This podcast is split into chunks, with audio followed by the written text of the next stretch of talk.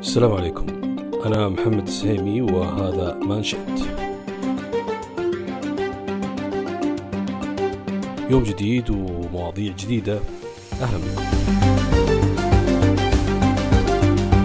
انطلاقا من مكانة الموسيقى واعتبارها لغة عالمية يعبر بها الشعوب عن مشاعرهم وتاريخهم وأيضا وطنيتهم. شهدنا في الآونة الأخيرة اهتمام كبير بهالقطاع واستضافة لكل ما يدعمه من معارض وأمسيات بتنظيم من هيئة الموسيقى واللي أعلنت مؤخرا عن انطلاق مهرجان الأوبرا الدولي للمرة الثانية في الرياض. وفي جامعة الأميرة نورة تحديدا في المسرح الأحمر بعد ما كان على مسرح أبو بكر سالم في نسخته السابقة.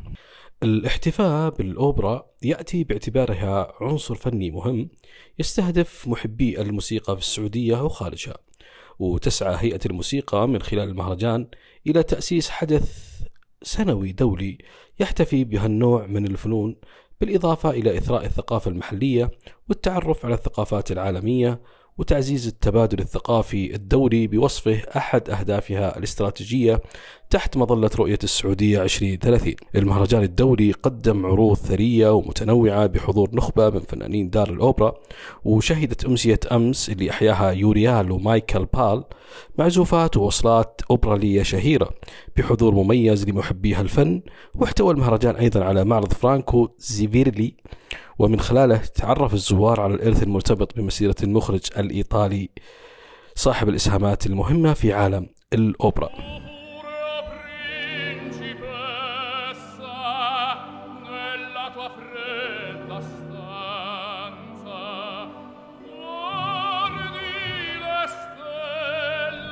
وبالنسبة للمرة الأولى في في هالمهرجان كانت العام الماضي ومنحت الحضور تجربة فريدة كونهم يسمعون مقطوعات قديمة ونادرة وفي قلب الرياض.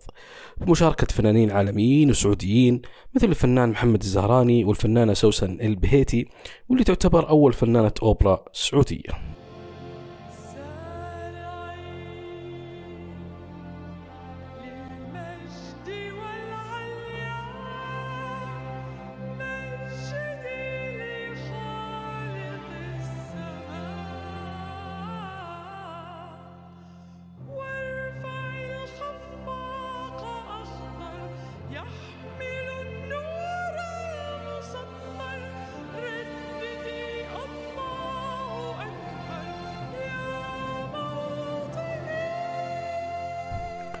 وزي ما تعودنا في كل المهرجانات والفعاليات المقامة في المملكة كل نسخة تكون أفضل من النسخة اللي قبلها. ودائما لا تقل نجاح عن المرة الأولى وهذا اللي حدث بالفعل في النسخة الثانية من مهرجان الأوبرا الدولي. إلى هنا نكون وصلنا لختام منشيت اليوم وكالمعتاد نستعرض معكم أهم الأحداث والفعاليات.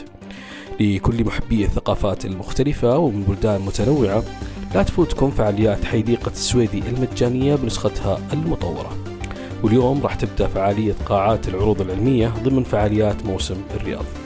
وتجدون المزيد من الأخبار والفعاليات من خلال التطبيق وبإمكانكم تحميله من خلال App Store و Google Play موعدنا معكم غدا في أمان الله.